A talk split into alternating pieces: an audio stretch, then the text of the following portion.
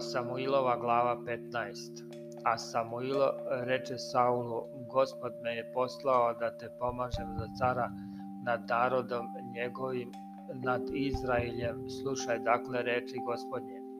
Ovako veli gospod nad vojskama, opomenuh se šta je učinio Amalik Izraelju, kako mu se opro na putu kad je išao iz Misira. Zato idi i pobij Amalika i zatri kao prokleto sve što god ima, ne žali ga, nego pobij i ljude i žene i decu i šta je na sisi i volove i ovce i kamile i magarce. Tada Saul sazo narod i izbroja ih u tele, Telaimu i beše ih 200.000 pešaka i 10.000 ljudi od Jude i dođe Saul do grada Amaličkog i namesti zasedu u potoku.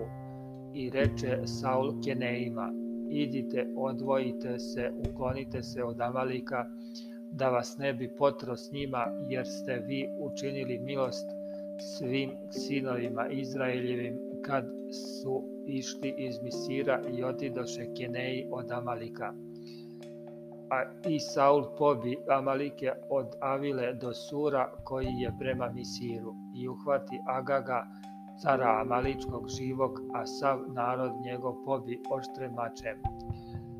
I Saul i narod njegov poštede Agaga i najbolje ovce i najbolje volove i ugojenu stoku i jaganjce i sve što beše dobro i ne hteše pobiti, nego šta beše zlo i bez cene, ono poviše. E, Zato dođe reč gospodnja k Samuilu govoreći, kajem se što sam Saula postavio carem jer je odstupio od mene i nije izvršio moje reči i rasredi se Samuilo vrlo i vikaše ka gospodu svu noć.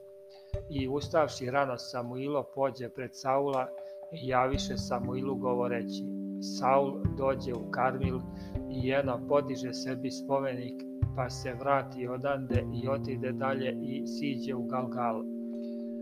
Kad Samuilo dođe k Saulu, reče mu Saul, blagosloven da si gospodu, izvršio sam reč gospodnju.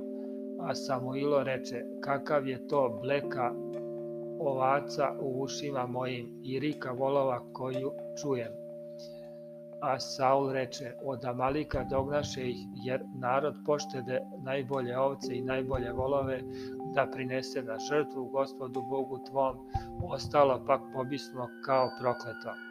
A Samuilo reče Saulu, stani da ti kažem šta mi je rekao gospod noćas, reče mu, govori, Tada reče Samuilo, nisi li bio mali sam u svojim očima, pak si postao glava plemenima Izraeljevim i gospod te pomaza za cara nad Izraeljem.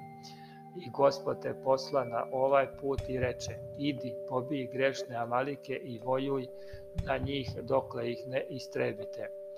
Zašto dakle ne posluša glas gospodnji, nego se naklopi na plen i učini zlo pred gospodom? A Saul odgovori Samuilu, ta poslušao sam glas gospodnji i išao sam putem koji me posla gospod i doveo sam Agaga, cara Amaličkog, a Amalike sam istrebio.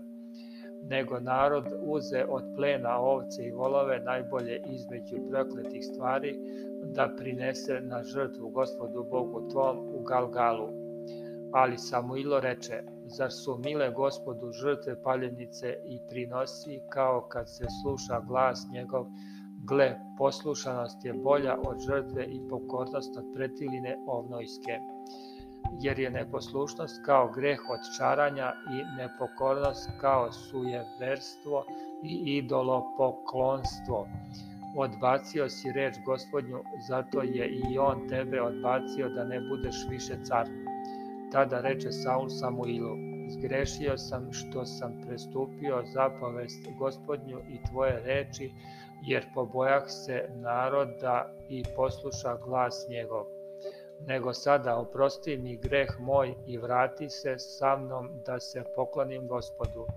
A Samuilo reče Saulu, neću se vratiti s tobom, jer si odbacio reč gospodnju i zato je tebe gospod odbacio da ne budeš više car nad Izraeljem. I Samuilo se okrede da ide, ali ga Saul uhvati za skut od plašta njegovog te se odadre.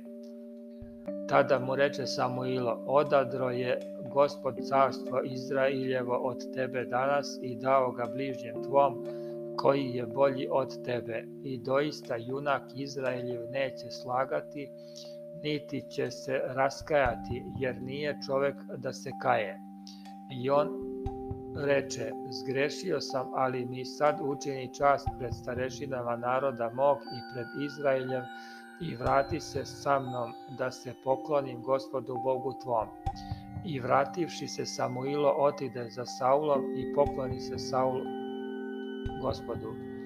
Potom reče Samuilo, dovedite mi Agaga, cara Amaličkog, i dođe k njemu Agag veseo, jer govoraše Agag, zaista prošla je gočina smrtna. Ali Samuilo reče, kako je tvoj mač učinio, te su žene ostale bez dece, tako će ostati bez dece tvoja majka među ženama. I iseče Samuilo Agaga, pred gospodom u Galgalu. Potom otide Samuila u Ramu, a Saul otide kući svojoj u Gavaju Saulovu.